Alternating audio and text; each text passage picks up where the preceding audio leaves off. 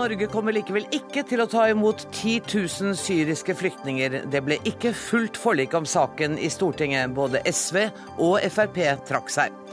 Fremskrittspartiet truer med å gå ut av regjering, mens Venstre er klare til å gå inn. Statsminister Erna Solberg kommenterer dagens hendelser i Dagsnytt 18. Norske politikere engster seg for at norske kvinner føder for få barn. Samtidig lever vi på en overbefolket klode. Om én uke har jorda fått 1,4 millioner flere munner å mette. Og det bør koste å bruke blyhagl i jakt, mener Folkehelseinstituttet. Jegerne mener det vil være et tilbakeslag, og er fornøyd med at det igjen er lov å bruke bly.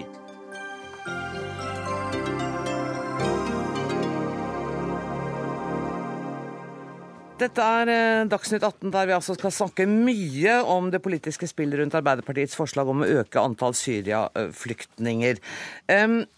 I studio kommer det mange politikere. Tre av dem er allerede på plass. Jeg begynner med deg, Jonas Gahr Støre, leder i Arbeiderpartiet.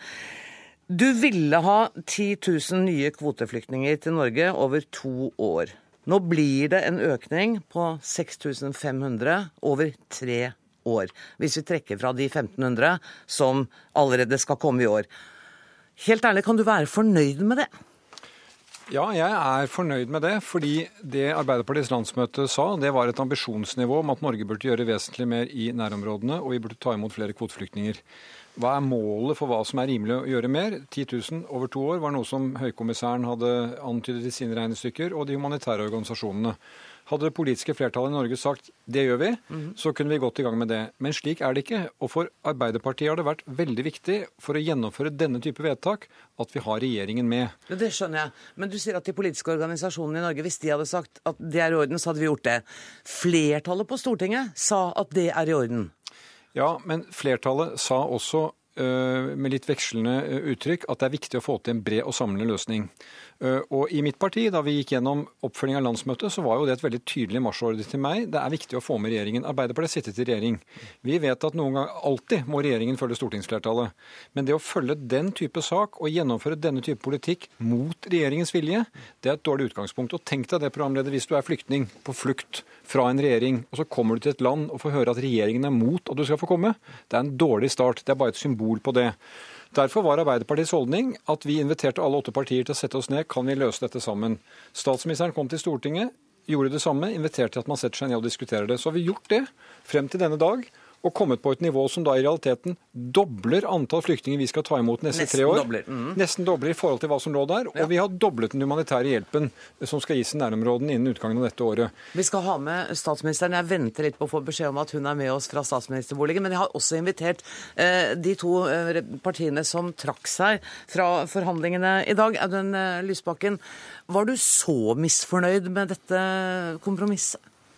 Det ble for lite for seint, eh, og avstanden mellom eh, handling og ord fra flertallet på Stortinget blir for stor, mener jeg. Og Grunnen til det, er at denne krisen er nå. Det er nå det er veldig mange mennesker som trenger vår hjelp. Og det som er Innholdet i den avtalen er jo altså at i 2015 og 2016 skal Norge ta imot 5000 flyktninger istedenfor de 10 000 som så mange har sagt at vi ønsket. Og Det er stor forskjell på 5000 og 10 000. Det er 5000 mennesker som vi kunne hjulpet nå, som vi ikke får hjulpet nå.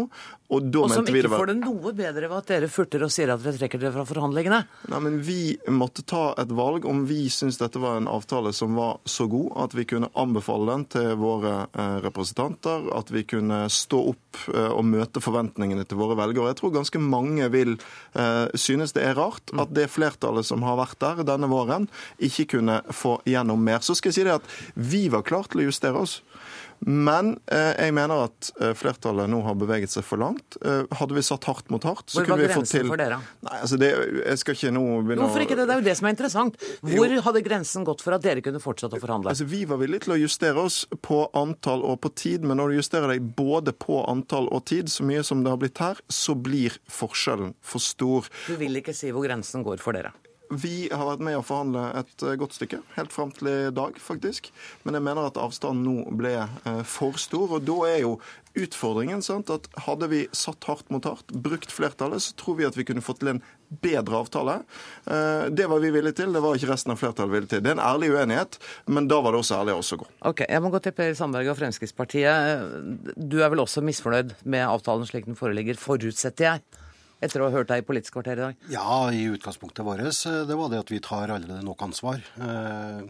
Vi har et vedtak i år på 2120, derav 1500 syriske flyktninger. Det står jo i kontrast til det som Støre også prøver å påpeke her nå, at vi sier nei til flyktninger. Vi tar et vesentlig ansvar. I Europa så er vi det landet som er blant de to-tre beste i forhold til å ta ansvar i forhold til flyktningsituasjonen, både her hjemme og asyldelen, og når det gjelder bistand og utvikling. Men, men, så har vi da prøvd, jeg har fått tre kvarter på meg å prøve å tolke denne, denne avtalen. Eh, den det er mer enn jeg har fått, for å si det sånn. Ja, det, altså, det, den, den er bare stappfull av forbehold. Det eneste én ting jeg finner som er helt sikkert i denne avtalen, og det er at Støre skal ha 800 ekstra kvoteflyktninger fra Syria i 2016. Alt det andre er med forbehold, for det skal evalueres høsten 2016. Så har man sagt at man skal ha 500 ekstra syriske flyktninger i år.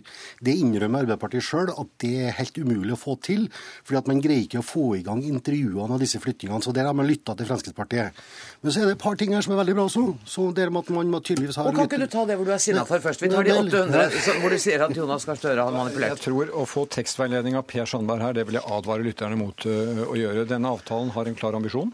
I dag går det et budskap til FNs høykommissær for flyktninger at Norge vil ta 8000 flyktninger fra hans store regnskap i 15, 16 og 17. Det gjøres av et samlet eh, storting, eh, med unntak av disse to partiene. Det gjør med regjeringens støtte. Da vet verden at det blir gjennomført. Men vær konkret på det Sandberg kritiserte for. Han sier det vil ikke være mer enn 800 i løpet av neste år. Dere har innrømmet at i år kommer det ikke én ekstra flyktning. Nei, men det er jo helt feil. 1500 eh, kommer i år, pluss 500 er vedtatt i dag. men kommer de ekstra 500 Nei, i år? De, de 500 skal, det håper jeg, men de 500 skal intervjues, de skal velges ut. Det er veldig viktig at de blir intervjuet og kontrollert. Det tar tid. Hvorvidt alle 500 krysser grensen i Norge innen utgangen av 2015, det vet jeg ikke. Det er ikke det viktige. Det får ta den tiden det tar, for det skal gjøres skikkelig. Men når Norge forplikter seg på denne måten i antall, i penger til regionen, og at vi skal evaluere det. Selvfølgelig, Det handler om å være seriøs. Hva er situasjonen i 2017 og 2018? Og Det ligger også inne her at de seks partiene som SV nå har valgt å stille seg utenfor, skal også diskutere ambisjonsnivået i 2018. Vi skal diskutere ambisjonsnivået i forhold til hvordan vi skal støtte kommunene. Vi står sammen om dette. Og jeg tror at med det brede flertallet, med Arbeiderpartiet på, ned, på, på, på vår side, som er med i dette, så borger det for at vi kommer til å gjennomføre det. Det er overhodet ikke noe uklarhet som han forsøker å skape bilde av spent på hva statsministeren har å si om dette. og Vi venter fortsatt på at hun skal bli klar i statsministerboligen. Men Jonas Gahr jeg må spørre deg. Du er selvfølgelig ikke overrasket over FrPs holdning, men er du litt skuffet over SV her? Jeg har grunnleggende respekt for at eh, folk tar ansvarlige avgjørelser her. Jeg er vel litt som det de spørsmål du stilte. Eh, eh, det ble aldri tatt til orde for SV at nå setter vi hardt mot hardt, frem, manne, frem en krise. Forhandlingene og samtalen gikk i, i, i, rolig format, men de har valgt å stå utenfor. Jeg tenker jo det at Når du velger å stå utenfor, så løfter ikke det antallet. Det løfter ikke antall penger.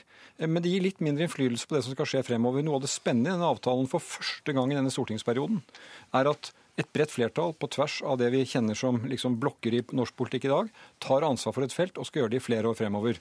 Det å stille seg på utsiden av det, vel, det får man ta ansvaret for. Det at vi da i realiteten nå, altså før Arbeiderpartiets landsmøte og etter denne avtalen, så vil vi altså doble ambisjonsnivået på flyktninger, doble ambisjonsnivået på hjelp. Det syns vi er en god uttelling i en situasjon hvor vi ikke er i regjering og ikke er med i flertallet. Lysbakken, la Lysbakken få lov å svare først over eh, dette med konsekvensen av å stille seg utenfor.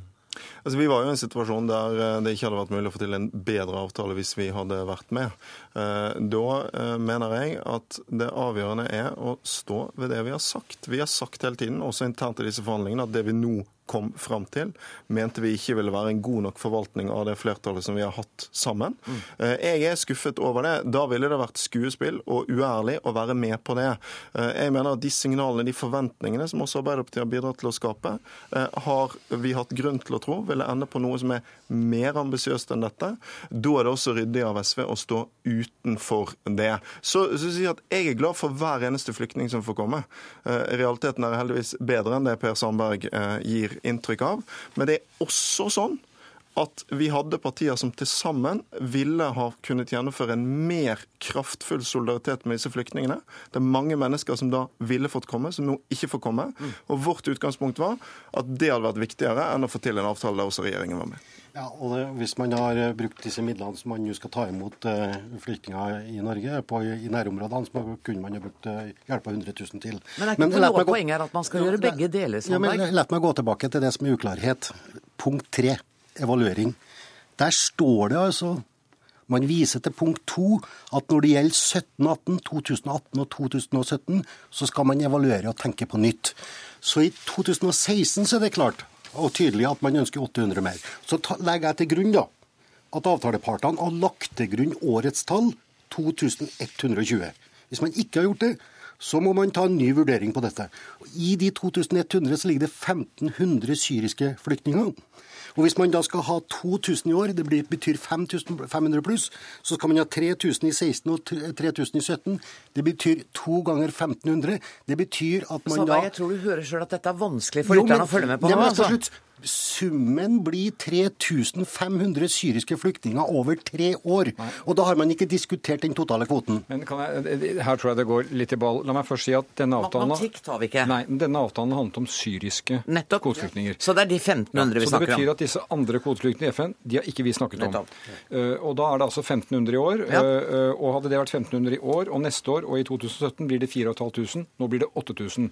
Det med evaluering det mener jeg er veldig viktig igjen for å ta, ta ansvar når vi skal vurdere 2017, vi står i 2016 og ser inn i 2017, så vil de vite hva er flyktningsituasjonen i verden, hvordan går det med mottaket, hva er situasjonen i kommunene. Det plikter vi å gjøre.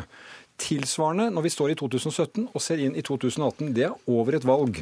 Og jeg mener at denne avtalens troverdighet, eh, eh, tilliten vi har og det vi skal forvalte med kommunene, står seg på det at vi legger inn evaluering underveis.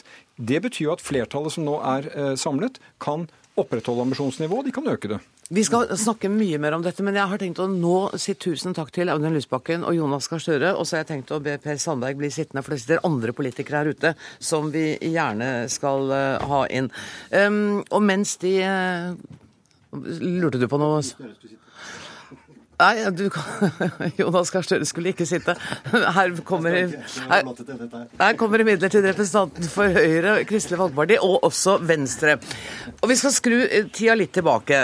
fordi I Politisk kvarter i dag tidlig sa du, Per Sandberg, at en sånn en løsning som Arbeiderpartiet ville presse fram, hvis den var uakseptabel for Fremskrittspartiet, så kunne det føre til eh, at dere ville gå ut av regjering.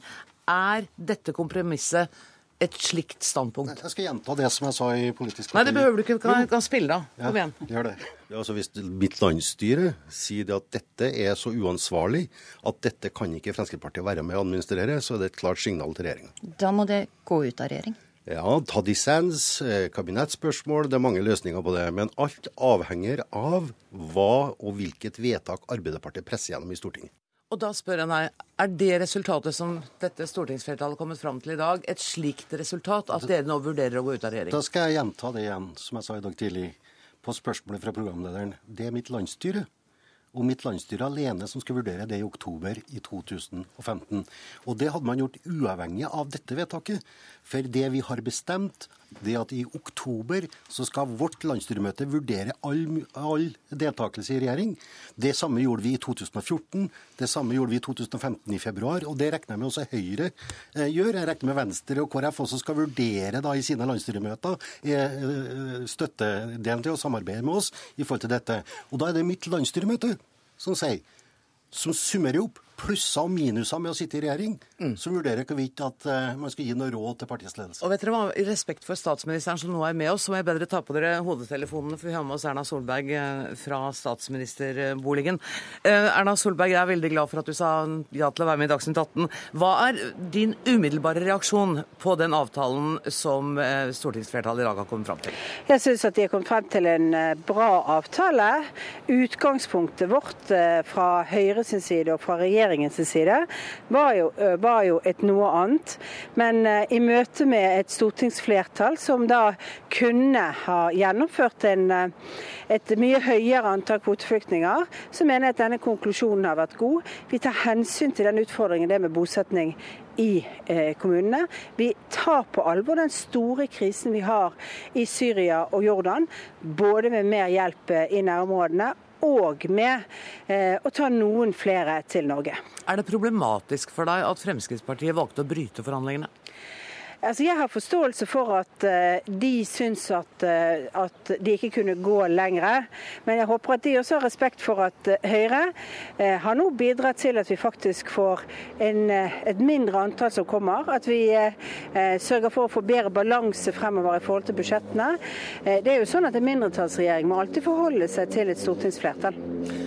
Per Sandberg sier nå at det er FrPs landsstyre og det alene som skal ta stilling til om dette er et vedtak som gjør at det er forenlig å fortsette i eh, regjeringen. Du samarbeider altså i regjering med et parti som eh, på en måte sitter på oppsigelse, da? Nei, det mener jeg ikke. Jeg, jeg, opp, jeg, hører heller ikke Per Sandberg si at de sitter på oppsigelse. Nei, han jeg, sa ikke det, det var mine ord. Men han ja. sa at dette skal legges fram for FrPs landsstyre i oktober, og at han ikke nå ville ta stilling til hvorvidt dette var akseptabelt for partiet. Ja, altså, Jeg mener at det har vært et klart premiss hele tiden, eh, også fra vi inviterte til eh, samtaler, at vi ville gå inn i samtaler eh, for å finne gode løsninger.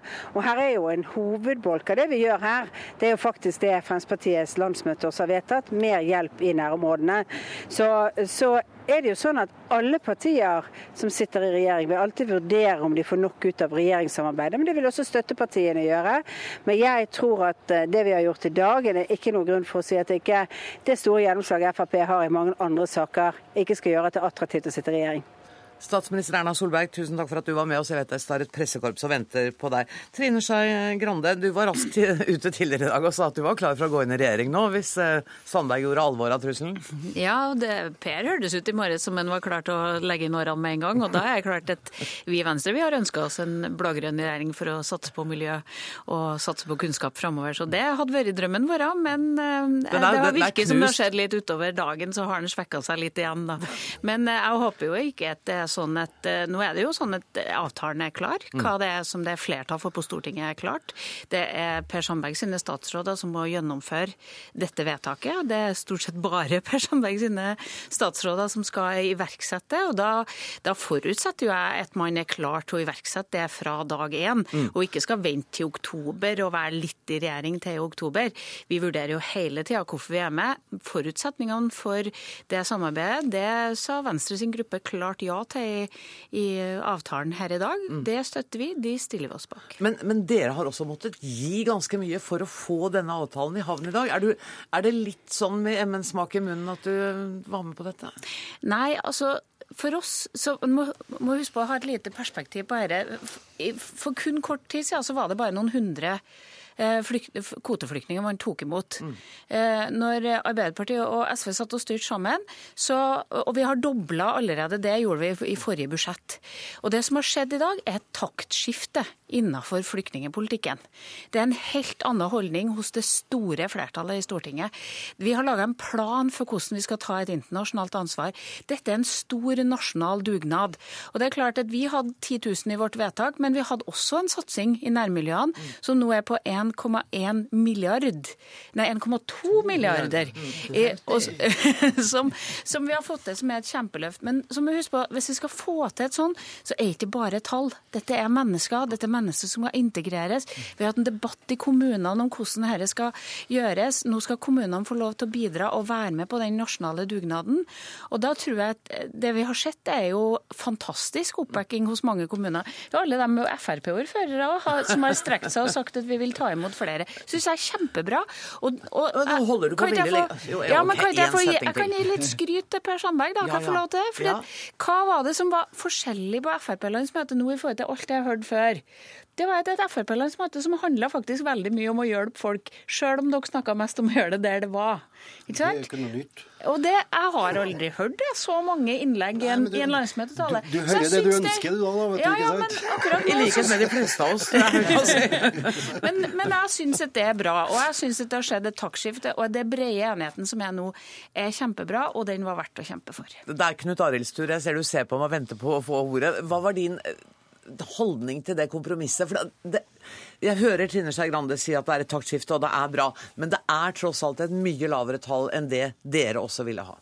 Ja, Vi sa 10 000, nå er det 8000. Det er ikke en dramatisk ja, forskjell på 8000. det. Jo, vet du hva det er det. Dere sa 10 000 på to år. Det er blitt 8000 over tre år. Det er en dramatisk forskjell. Ja, Vi sa 10 000 i løpet av de to neste åra. Nå blir det 10 000 i løpet av to og et halvt år, i realiteten. Det er det som, som ligger der. Så det går et halvt år lenger enn det vedtaket til KrF sa. Eh, Men jeg innrømmer det. Vi var villige til å gi noe. Eh, For det var vi når vi valgte å gå i forhandlinger.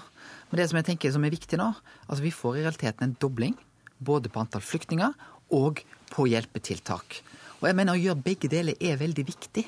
Fordi at ja, det er riktig vi får mer igjen for pengene i nærområdene. Men det er òg viktig at vi tar imot noen mennesker i Norge. Det er noen mennesker som ikke er trygge i flyktningleirene rundt Syria. De må få komme til Norge. Det er noen mennesker som er så forfulgte, så syke, at den eneste tryggheten vi kan gi, er faktisk i dette området. Derfor er det òg at noen kommer hit, veldig, veldig viktig. Men, men dere har jo da samtidig måttet akseptere en reduksjon i bistandsmidlene. Eh, sånn det blir nå, så blir det altså en økning på 250 millioner i i denne revidert-behandlinga. -hmm. så vi, vi øker i realiteten med 500 millioner, og så er det 250 av de som vi kutter på andre deler. Nettopp. Det mener jeg er forsvarlig. Fordi at vi trenger nå å øke den humanitære bistanden med den situasjonen. Det er altså den verste flyktningsituasjonen vi har sett andre, etter andre verdenskrig. Da er det helt naturlig at vi er villige til å prioritere opp humanitær bistand. Og prioritere noen ned litt mer langsiktige. Og så kan vi da selvfølgelig prioritere opp igjen det i budsjettet for 2016. Trond Helleland, eh, parlamentarisk leder i Høyre. Hvordan, hvordan har stemningen vært på disse forhandlingene?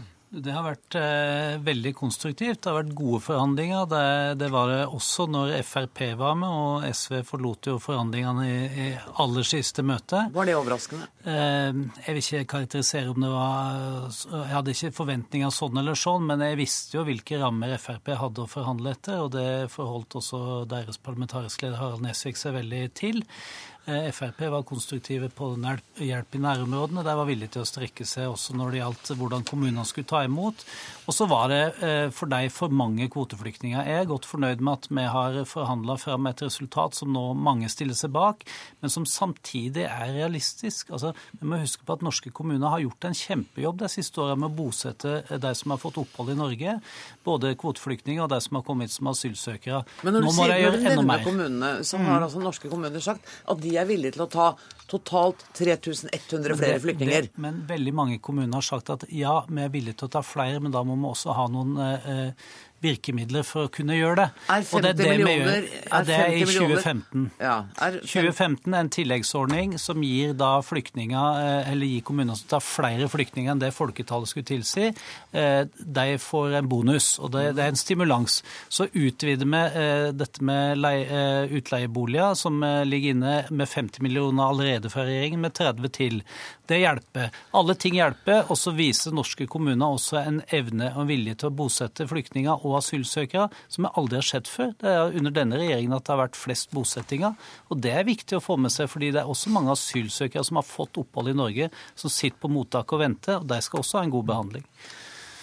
Vær så god, Sandberg. Det sitter 5200 allerede i dag eh, som venter på opphold i kommunene. Og her skal man da få en dramatisk økning. Eh, og de skal da sannsynligvis da gå foran den som allerede sitter der. Ja, vent litt, lurer- skal de det? Skal de gå foran? Jeg lurer på hvilke signaler man skal gi da til de barna som sitter i mottak i dag og sitter der i kanskje to-tre år. Skal de nå vente ytterligere et år eller to for å Veldig få, få bosetting? Skal de det? Kommunene ikke har kapasitet. Det- Vi, vi har, eh, og det, det vet jo også Per Sandberg, at eh, kommunene eh, strekker seg langt for å ta imot. eh, Så vil det ta en tid før Syria-flyktningene kommer til Norge. Og jeg håper nå at med den dugnaden som nå skjer i kommunene, de ordningene som er lagt inn nå, gjelder jo også de som sitter i asylmottak, som skal bosettes. Jeg håper at en får bosett. Men hvordan akkurat rekkefølgen blir, jeg håper ikke at det blir noe forlenga ventetid på asylmottakene, i hvert fall fordi nå eh, har kommunene meldt inn at de ønsker å ta imot en del nye, og dermed så kan du holde denne situasjonen i sjakk. Men vi kan ikke bare øse på og si at vi kan ta imot enda flere, for da går det gærent. Vi skal huske på en annen ting også. Jeg, forstår jo at uh, Kristelig Folkeparti og Venstre og til dels Arbeiderpartiet også ønsker å ha dette tallet så høyt som mulig, uh, og det blir 8000. Men realiteten er, hvis man legger til grunn årets kvote, uh, så har man øka det med 3500 i løpet av tre år. Det er realiteten hvis man legger til grunn at man skal videreføre årets, ja, hvis man skal videreføre årets kvote. Men det i seg selv, Og det er kun syriske flyktninger vi snakker om her nå. Ja, og så skal, man, så, så skal man ha budsjettbehandling i tillegg på øvrig kvote. Og da kan det bety enda flere tusen. Og jeg mener at fortsatt det uansvarlig. Både i forhold til integrering og bosetting.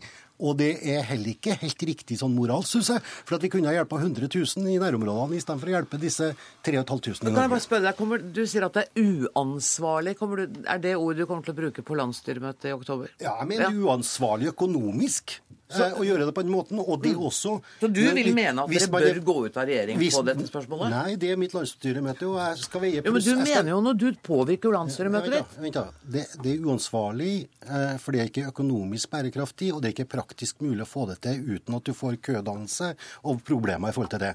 Men så er det masse andre plusser Ok. som jeg skal legge fram for, mitt landsstyremøte. Okay. Per har noen gode poeng. og det, det, det, det må punktet som... veies pluss og minus her. Det punkt som ble diskutert her i stad, når Støre og Lysbakken var, det gikk også på dette evalueringspunktet. Der står det også at en skal se på kommunenes mulighet til å bosette. Det er en viktig del av denne evalueringen. Jeg mener at det, hvis vi skal ta imot, så skal vi integrere på en god måte. Vi skal ikke ha, kall det svenske tilstander. Vi må ha en god integreringspolitikk, få folk i arbeid, få dem utdanning.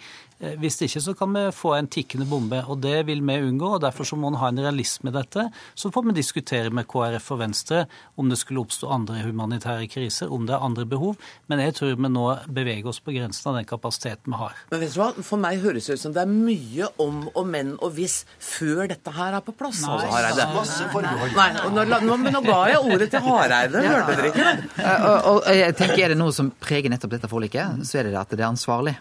Eh, Det er jo faktisk eh, sånn at vi òg har sett noen av utfordringene med å eksempelvis ta imot 5000 i år og 5000 til neste år. Det vært en av grunnene til at vi òg kunne se over en litt lengre periode.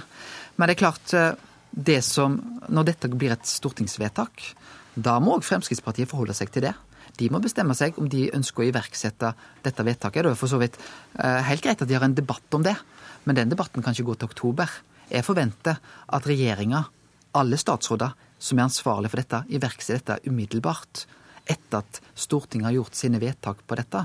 For det er den delen eh, når en sitter i regjering. Så kan ikke en sitte og velge om eh, iverksette noen av Stortingets vedtak. Da må en iverksette helheten av det. Og det er for så vidt helt greit at Fremskrittspartiet tar en debatt om nok er nok. Eh, det er helt lov. Men har Stortinget gjort et vedtak, så er det enhver regjering til å følge opp de vedtakene.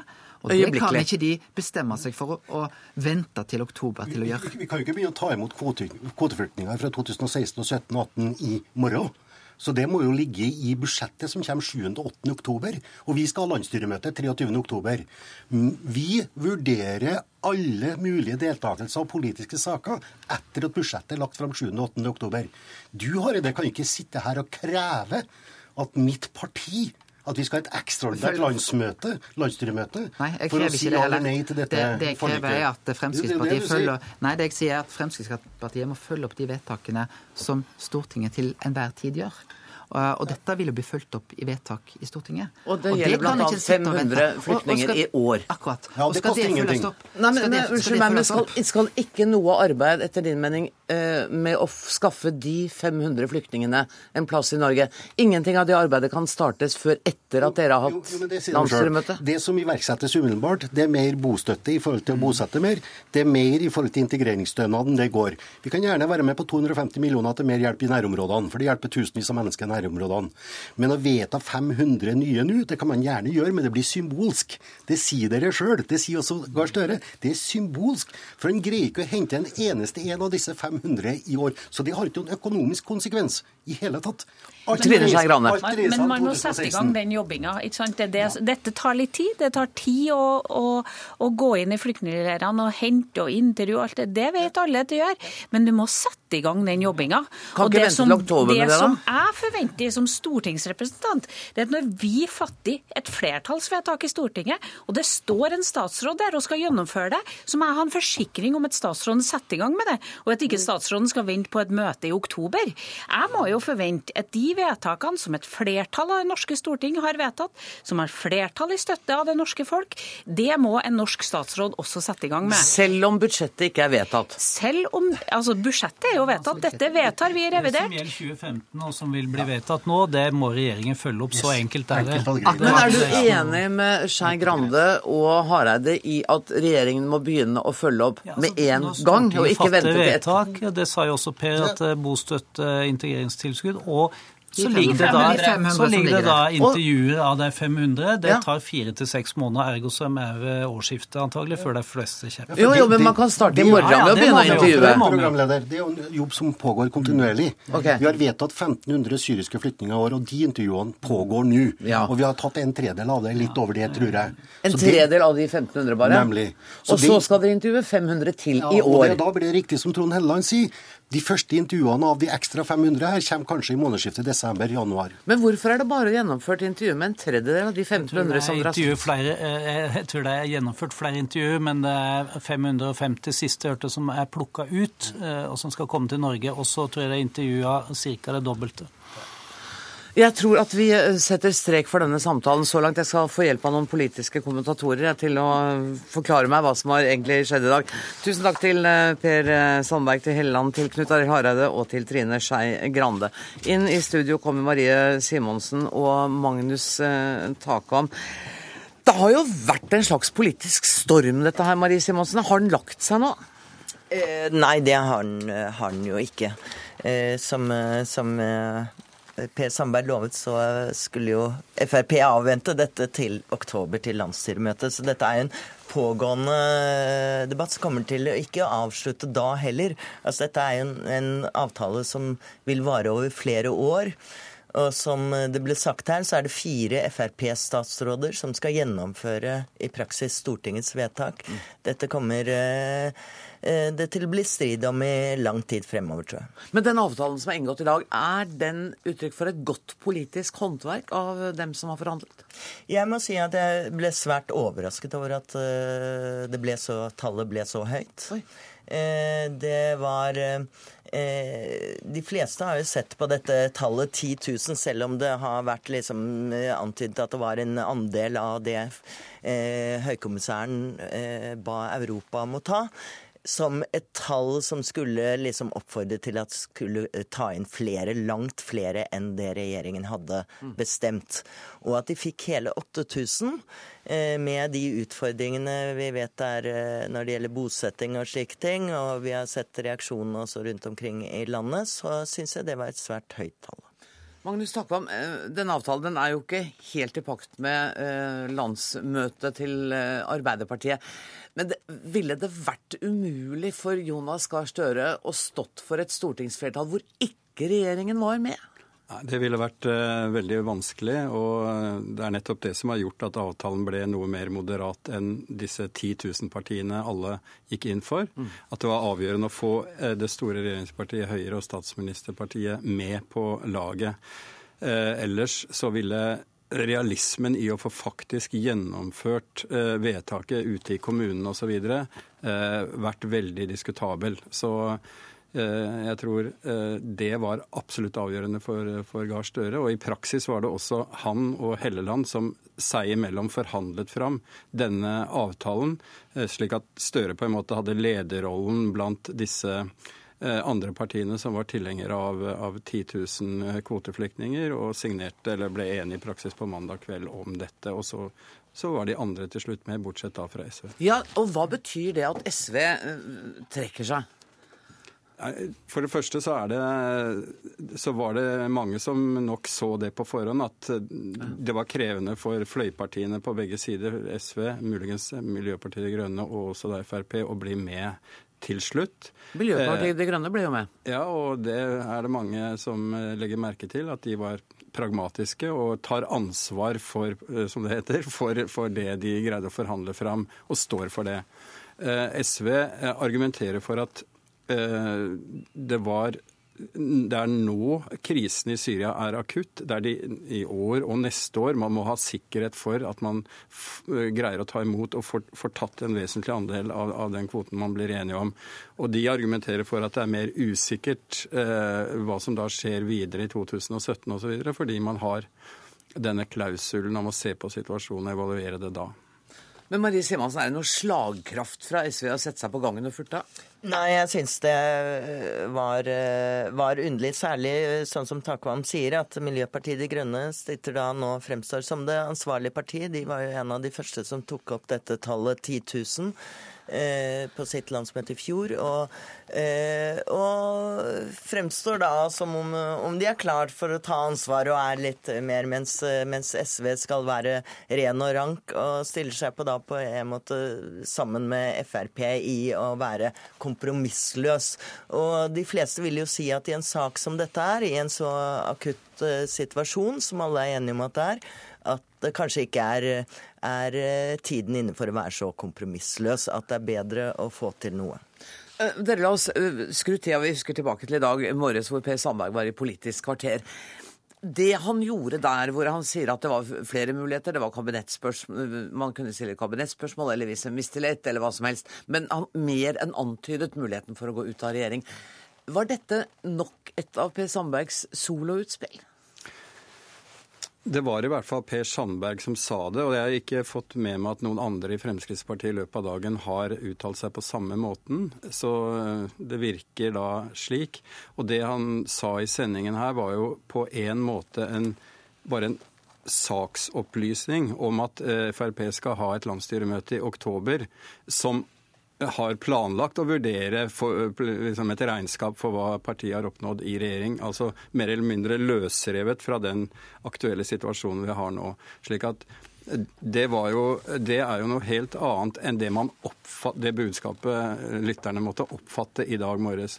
Og jeg har, altså, Man snakker jo med stortingsrepresentanter ja. og, og andre i Frp om dette. og tilbakemeldingen er at det er ikke en diskusjon i Fremskrittspartiet i øyeblikket om å gå ut av regjering. Nei, for Det ville jo være fullstendig håpløst for statsministeren og Høyre hvis man hadde et parti i regjering som i realiteten, som jeg sa, satt ja. på oppsigelse. Men, men uh, på den ene side sa Per Sandberg det eneste innlysende, at, uh, at uh, Frp til enhver tid vil vurdere om det er verdt å sitte i regjering. Det er man klar over. De er ikke tvunget av loven til å sitte i regjering. De er frivillige frivillig, de kan gå ut når de vil. Men det er klart at når det er så uttalt at du påpeker den muligheten, så er det jo en underliggende trussel om det. Og, og slik ble det jo oppfattet, og straks eh, nyansert fra parlamentarisk leder og partileder. Jeg tror det er, er, er, det er, et poeng å bare minne om et par andre eh, saker som har vært eh, aktuelle i det siste, og som belyser eh, på en måte FrPs utfordring, om du vil, ved å være et regjeringsparti. Den ene saken som, som nettopp har, har, eh, vært på bordet, er jo det, dette med trygdeoppgjøret. Altså at Frp i Stortinget har et forslag om at, altså at de eh, vil ha kompensasjon for, for de pensjonistene i år av ulike grunner for, for en reallønnsnedgang. Og her har vi et annet spørsmål i dag som dreier seg om innvandrings- og flyktningpolitikk. Altså På områder som sosialpolitikk, eh, pensjonister, eh, innvandringsspørsmål, kjerneområder for Frp. Det er forklaringen på at de markerer, slik Sandberg gjør, og som partiets mann Wiborg gjorde i Stortinget, at egentlig mener at partiet har en annen politikk. Så det, denne dobbelt, dobbelte politikken er så, uttrykk for det. Og så ser man jo at eh, Per Sandberg eh, snakker til en eh, ganske stor menighet der ute, hvor det koker, og hvor, det er, hvor de heier på Per Sandberg og ser for seg at den muligheten for at Frp går ut og sier nok er nok, det er nok mange som, som, som håper på, men realistisk er det jo ikke. Det er, det er mye det er, det er jo til og med diskusjoner, ser man i visse miljøer, om, om et nytt parti. Kalivars parti har det blitt kalt. Men, men det er jo ikke et ønske fra eller realistisk på den måten. Men det som er utfordringen, hvis man ser parallellen til SV, som jo sto på plenen og tok dissens og slike ting, var at det var få toneangivende politikere i, i SV som ville at SV skulle melde seg ut av regjering. Tvert imot var hele SV-leden sto veldig samlet og lojal om regjeringsprosjektet hele veien. Og, og her i Frp ser man jo kanskje tegn til en viss annen strategi. Så jeg, jeg tror det er en For det første så er det ikke noe tvil om at det ikke bare hos eh, Frp-velgere, men også i andre partier eller andre velgergrupper, er skepsis mot det stortingsflertallet nå vedtar. Altså, eh, Jeg snakker med mange politikere i andre partier som, som er ute på, på, gata og får tilbakemeldinger om at dette er veldig krevende rundt omkring i kommunene. slik at Eh, det er ikke vanskelig å forstå at Frp for så vidt står på sitt standpunkt i utgangspunktet her. Men det er klart at jo oftere og hyppigere det blir den typen saker som dette med trygdeoppgjøret, som dette, dette og det siste er et eksempel på, mm, jo, jo lenger tiden går, og man samtidig sitter i regjering og forvalter den typen vedtak, mm. jo vanskeligere blir det å ta alvorlig den typen uh, utrop om at dette er egentlig ikke vår politikk. Hvor, hvor viktig er da denne saken f.eks. For, for Fremskrittspartiet ved inngangen til en kommunevalgkamp? Den eh, er jo nå, kan du si, at Per Sandbergs eh, henvisning til landsstyremøtet i oktober gjør at man for så vidt kan fortsette inn i kommunevalgkampen. Men, men realiteten i det er jo det er mer, mer, slik som Magnus Sakvam sier, at, eh, at, de sitter i en regjering hvor de nå må forvalte vedtak og en politikk som de er dypt imot. Og det ser velgerne. Og selv om de ser at de er en mindretall i en mindretallsregjering, så spørs det hvor, eh, hvor tålmodige velgerne er i forhold til det. Hvis dere skal gjette, tror dere dette er siste gangen vi har snakket om innvandring og flyktningpolitikk? Nei, selvfølgelig ikke. Det er jo på en måte det er jo et av de absolutt største, de største utfordringene utfordringer for alle land eh, i Europa bl.a. nå. Men, og det er bare i en digresjon å følge valgkampen i Danmark f.eks., mm. som uh, holder på med. Der er jo for så vidt nesten alle partiene på Per Sandbergs linje. Også Helle Thorning-Smith sier at hjelp, hjelp flyktningene i nærområdene, og, og, det er det som er viktigst. Men, sånn men det er, er jo utvilsomt et paradoks, som Trine Skei Grande sa, at det er skjedd et taktskifte i en regjering med Frp. Tusen takk for at dere kom til Dagsnytt 18 i dag. Begge to, Magnus Takvam og Marie Simonsen. Dagsnytt 18 alle hverdager klokka 18. På NRK P2 og NRK2.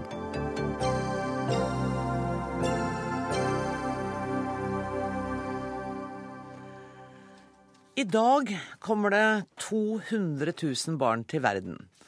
Vi teller nå 7,3 millioner mennesker på denne kloden. Hver dag går 800 millioner mennesker og legger seg sultne. Afrikas befolkning spås å firedoble seg innen år 21, altså 2100. Og allerede i dag sulter en kvart milliard mennesker i Afrika. Og samtidig sitter vi og spør oss hvorfor tusenvis av afrikanere risikerer livet på Middelhavet.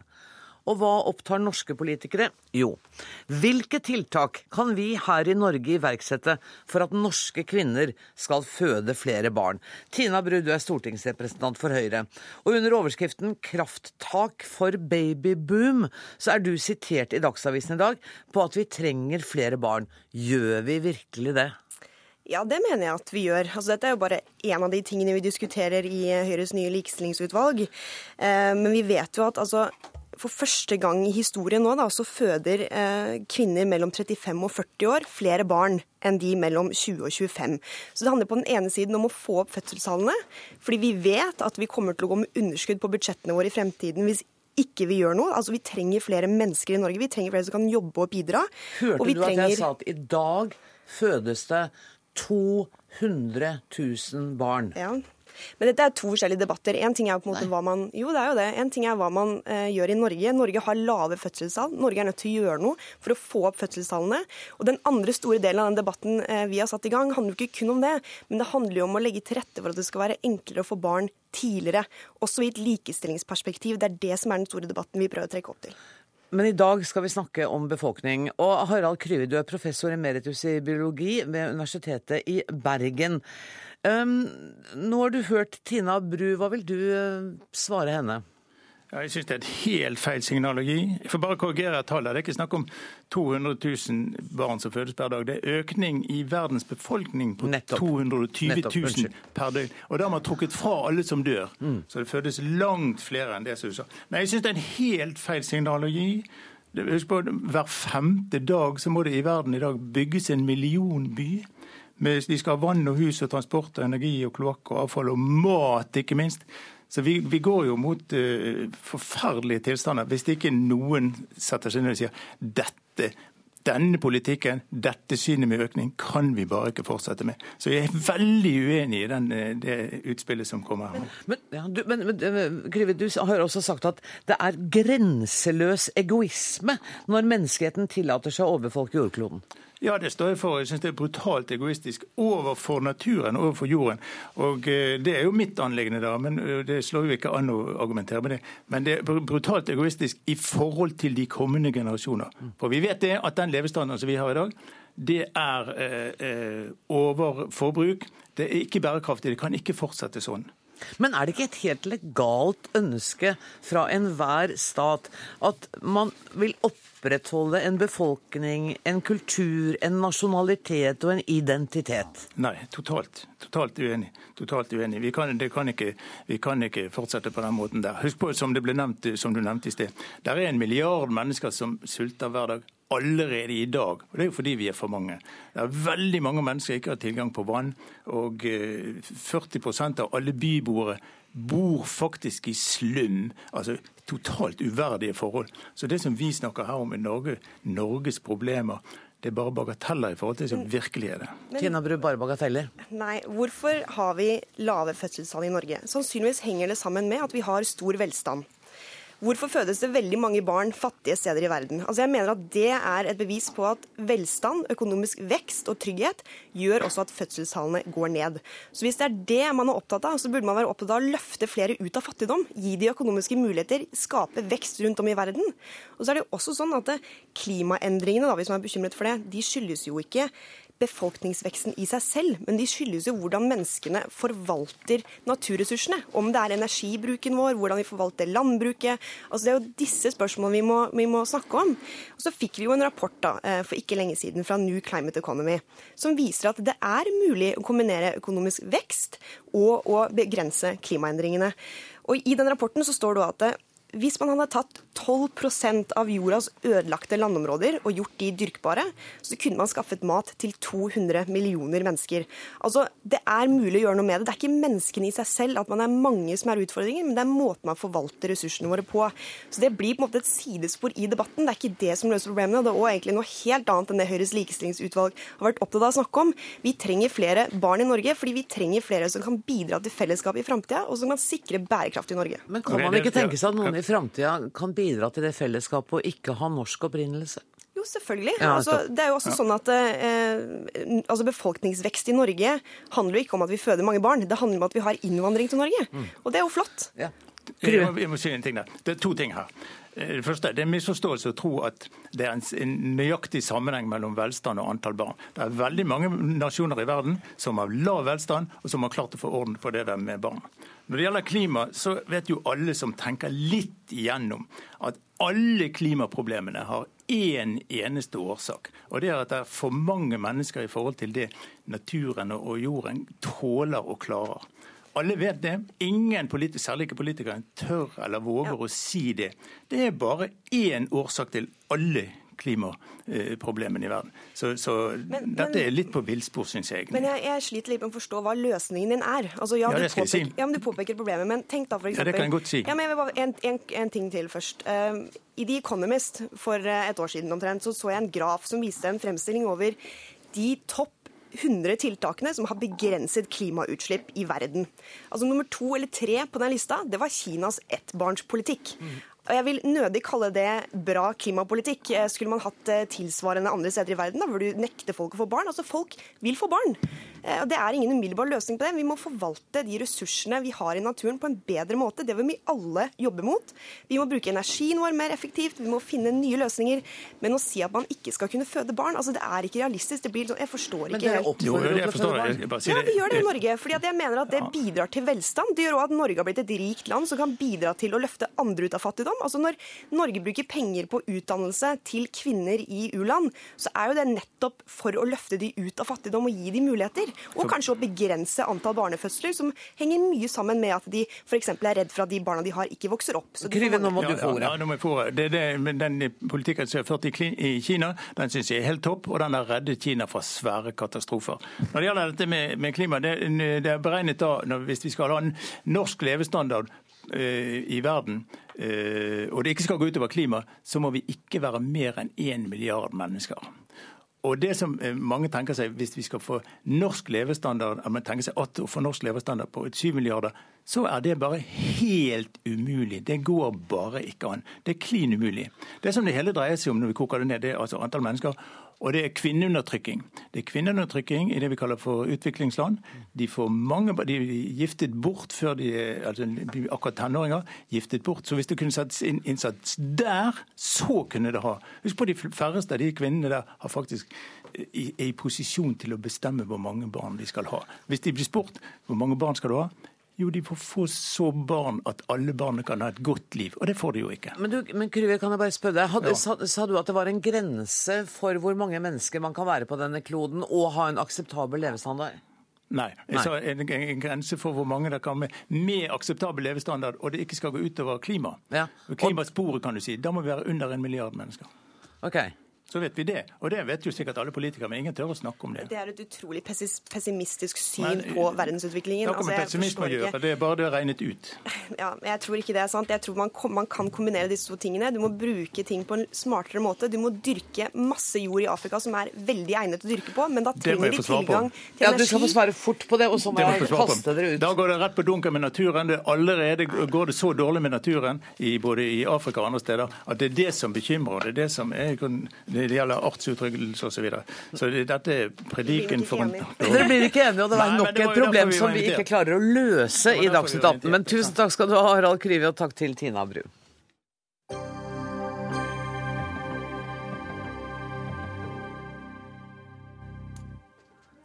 Stortinget har for lengst, stikk i strid med en unison anbefaling fra forskermiljøet, vedtatt å oppheve forbudet mot blyhagl i småviltjakta. Nå foreslår Folkehelseinstituttet at Stortinget må innføre avgift på blyhagl og vurdere avgiftsfritak på mer miljøvennlig ammunisjon for å redusere utslipp av 250 tonn bly i naturen.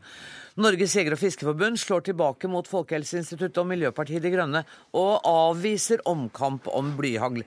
Eh, Rasmus Hansson, jeg går ut fra at du er med oss fra Stortinget. Ja visst. Ja, Det er veldig bra at du er med. Måtte, måtte du løpe ut fra en avstemning, eller? Nei, men det kan hende jeg må løpe inn til en avstemning. Da, snak, da skal jeg snakke fort. Um, dere er bekymret. Hvorfor er dette viktig? Ja, vi har foreslått uh, i Stortinget uh, å innføre en blyhagleavgift fordi uh, bly er en miljøgift.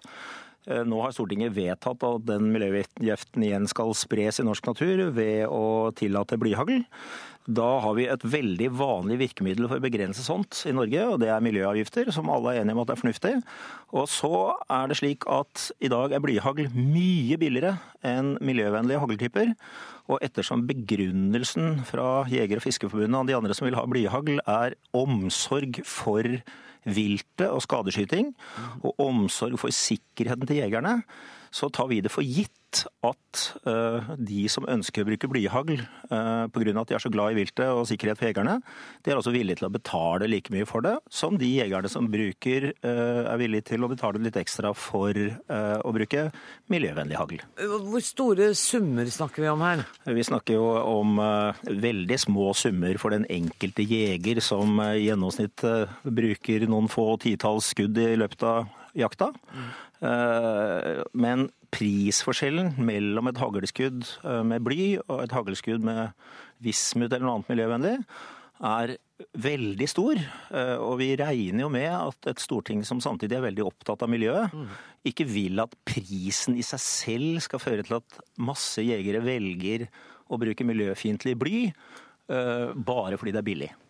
Espen Søylen, du er generalsekretær i Norges jeger- og fiskeforbund.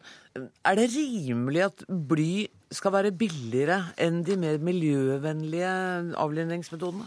Ja, Nå er jo øh, bly et billigere metall i utgangspunktet. Jo, men Og mer også mer miljøfarlig. Jo, men Stortinget har jo nettopp øh, i det vedtaket de har gjort, lagt til grunn at bly i den måten vi bruker det på, ikke utgjør noen miljø, miljørisiko. Og, og dermed så er det jo helt meningsløst å skulle ilegge en avgift på, på en bruk av bly som ikke representerer noen miljørisiko. Sier politikerne, mens forskerne, etter det jeg har lest i dag, er uenige med politikerne på dette punktet. Ja, noen forskere gir, Nettopp. gir uttrykk for sterkt engasjement i spørsmålet om bly generelt. Det som har vært litt underlig i denne debatten, er at man har blandet sammen flere ting. Man har snakket om bly generelt, og man har snakket om bly i rifleammunisjon, og man har snakket om bly i hagleammunisjon. Men for å illustrere hva vi snakker om når vi Ja. snakker om blyhagl, Ja. så har jeg tatt med et blyhagl her, som programlederen knapt kan se. Men, Jo, men jeg så, har fått et sånt i tenna da jeg spiste rype. Nemlig. Det er ikke og det, godt. det vi, det, vår bruk av blyhagl eh, har de beregnet i Sverige til å tilsvare ett slikt hagl per 100 kvadratmeter per 100 år. Og det er ingen grunn til å tro at, at det er noe annerledes i Norge, og, og at det skulle utgjøre noen miljørisiko. Det har altså Stortinget avvist og tillatt bruk av blyhagl gjennom, altså i, i fjell og skog og over åpent vann. Rasmus Hansson, du er altså en nevrotisk eh, overdriver. Ja, og det, Den nevrotiske overdrivelsen den deler jeg med Miljødirektoratet, Norsk institutt for naturforskning, Folkehelseinstituttet, Veterinærinstituttet, Veterinærhøgskolen, Universitetet i Tromsø, Universitetssykehuset i Nord-Norge osv. Kjemisk institutt ved Universitetet i Oslo. Poenget er det er altså en totalt unison eh, enighet i norske forskningsmiljøer om det som vi har visst i eh, 100 år, nemlig at bly er giftig. Men hva er grunnen til at Stortinget da har vedtatt at det, Det- skal være tillatt å bruke bly i småviltjakt? Det er at de dessverre av og til ser eksempler på at eh, flertallet på Stortinget stikker fingrene i øra og nekter å høre på fakta og forskning fordi at de er under press fra en effektiv eh, lobbygruppe, i dette tilfellet Jeger- og Fiskerforbundet, som burde ha brukt eh, kreftene sine til noe mer aktverdig enn å gjeninnføre bruk av miljøgifter i norsk natur. Det er absolutt ingen som helst kvalifisert faglig tvil om at bly er giftig, bør ut av naturen, og det minste vi kan gjøre er å gjøre giftig blyammunisjon like dyrt som miljøvennlig ammunisjon, sånn at folk som velger giftig ammunisjon, uh, gjør det uten å bli premiert for det økonomisk. Jeg må bare spørre Søylen, hvorfor er det så viktig å bruke bly når det fins alternativer? Jo da, det finnes alternativer, og det har vi jo levd med nå siden 2005. Men, Ja. men det er nå sånn at bly er bedre på, på, på de områdene vi måler dette. Bly er et fantastisk godt egnet haglemateriale, og derfor har vi brukt det i 150 år. Hvem er det godt for? Det er godt for, eh, for det, det viltet som skal drepes, eh, og det er godt for de jegerne som bruker det. Eh, Bly dreper effektivt. Bly eh, dreper også på en sånn måte at, at du ikke finner blyhagl anten unntaksvis i kjøttet på skutt småvilt, fordi det stopper rett på innsiden av skinnet. Og bly, dette, dette er jo diskutert opp og ned i Stortinget, og det var en grundig høring i Stortinget. Stortinget fikk forelagt alle de innspill som, som lå, og energi- og miljøkomiteen brukte mye tid på dette og fant altså at det er ikke dokumentert. Vi har ikke sett noe dokumentasjon. Stortinget har heller ikke funnet noe dokumentasjon på at dette utgjør et miljøproblem. Ja, Så noen miljøavgift vil ikke du ha? Nei, det syns vi er helt tullete. Nå sitter jeg i denne energi- og miljøkomiteen og var til stede på disse, disse høringene. og Rent bortsett fra altså, at et samlet forskningsmiljø sier noe annet enn det Jeger- og Fiskerforbundet sier, så kan man jo velge hvem man vil høre på når det gjelder, når det gjelder kunnskap om miljøgifter. Men det som også er det som også, nei, det, problemet er at de diskuterer forskjellige ting. La- la Hansson få snakke. Det som var veldig interessant på den høringen, eh, det var at da jeg spurte Jeger- og Fiskerforbundet to spørsmål Det ene var er eh, bly bedre å skyte med på sikkert skuddhold? Så svarte eh, Jeger- og Fiskerforbundet nei, det er det ikke. Og da jeg spurte i løpet av de ti årene hvor norske jegere ikke har brukt blyhagl, men andre hagltyper, som liksom skal være dårligere eh, på avlivning og sånt da? har dere da statistisk dokumentasjon for mer skadeskyting? Da svarte Jeger- og Fiskeforbundet også nei. Sånn at selv Jeger- og Fiskerforbundet som i løpet av disse siste ti årene for øvrig har gitt ut en masse brosjyrer hvor det står at eh, alternativ hagl er like god som blyhagl, selv de kan ikke dokumentere verken mer skadeskyting eller den påstanden de i andre sammenhenger kommer med, nemlig at bly dreper bedre. Det Mm. gjør ikke det. Eh, Og det sier selv Jeger- og Fiskerforbundet på høring i Stortinget. Og denne debatten fører ikke annerledes hen enn at vi kan konstatere at det foreløpig ikke er noen miljøavgift eh, på eh, bly. Men det skal Og- Stortinget behandle. Men det skal Stortinget behandle, og da inviterer jeg dere som vanlig tilbake igjen til studio. Takk for at dere kom. Takk til Rasmus Hansson, leder av Miljøpartiet De Grønne. Takk til Espen Søylen, generalsekretær i Norges jeger- og fiskerforbund. Jeg rekker så vidt å si at det var Ida Tune Ørretsland som hadde ansvaret for denne sendinga.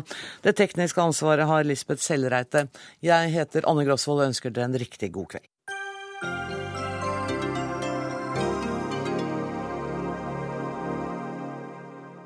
Hør flere podkaster på nrk.no podkast.